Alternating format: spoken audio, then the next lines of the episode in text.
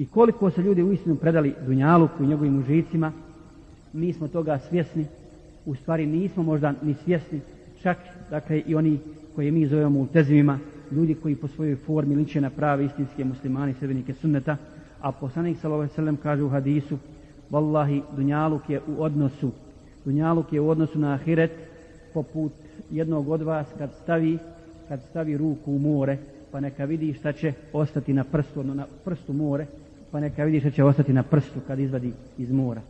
Dakle, ono što je ostalo na prstu od male vlagi, to je dunjaluk u odnosu na more koji simbolizira ahiret.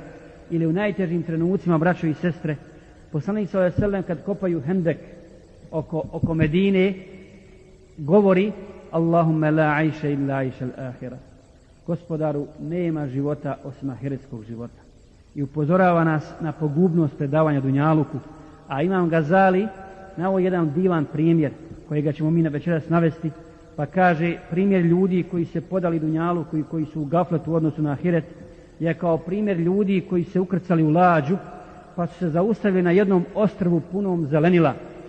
I onda su izišli da obave neke svoje potrebe i kapetan ove lađe, odnosno broda im je rekao, iziđite, obavite svoje potrebe, nužne potrebe i brzo se vratite. Pa je jedan od njih izvršio svoju potrebu i brzo se vratio i našao mjesto u lađi bolje nego što je bilo prije.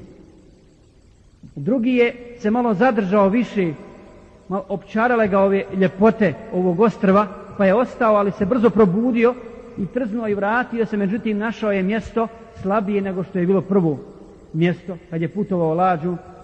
Treći nije mogao sebi oprostiti, kaže da ne uzme nešto od, od tih ljepota, pa je nabrao cvijeća, ubrao raznih plodova i ponio je koliko je mogao. Ponio je koliko je mogao.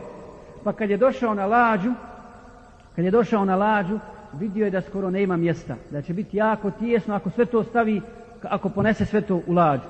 Međutim, on nije mogao odoliti da to ne ponese, pa je ponio.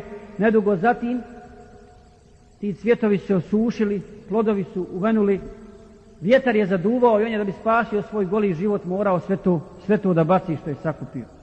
Četvrti je zagazio malo dublje u džunglu, u te ljepote Dunjaluka, odnosno toga ostrva, pa nije se osvrtao i zaboravio riječi kapetana broda i kada je čuo zadnji poziv da se ukrcava, on je pokupio također koliko je god mogao od tih ljepota, od onoga što njega zadivilo, međutim kada je došao s tim teretom, lađa se već otisnula na ispućinu i on je ostao tu i skapao je tako i bio je uništen i on i njegovo, i njegovo to sakupljanje tih mrvica koje su njega zavele od Dunjaluka. Pa kaže imam Gazali, zar ima išta ružnije na kraju, ovo, ova, ova stoji u Bariju, kaže zar ima išta ružnije od čovjeka koji zna, koji govori da je pametan, da je on simbol inteligencije, a čitav svoj život sakuplja i radi da sakupi ono što neće ponijeti posle svoje smrti. Neće ništa od toga ponijeti. Dakle, ne mislimo ovdje na, to da ne treba raditi, nego na one koji su odali dunjalu, koji predali mu se, predali mu se u potpunosti zaboravišne gospodara svjetova.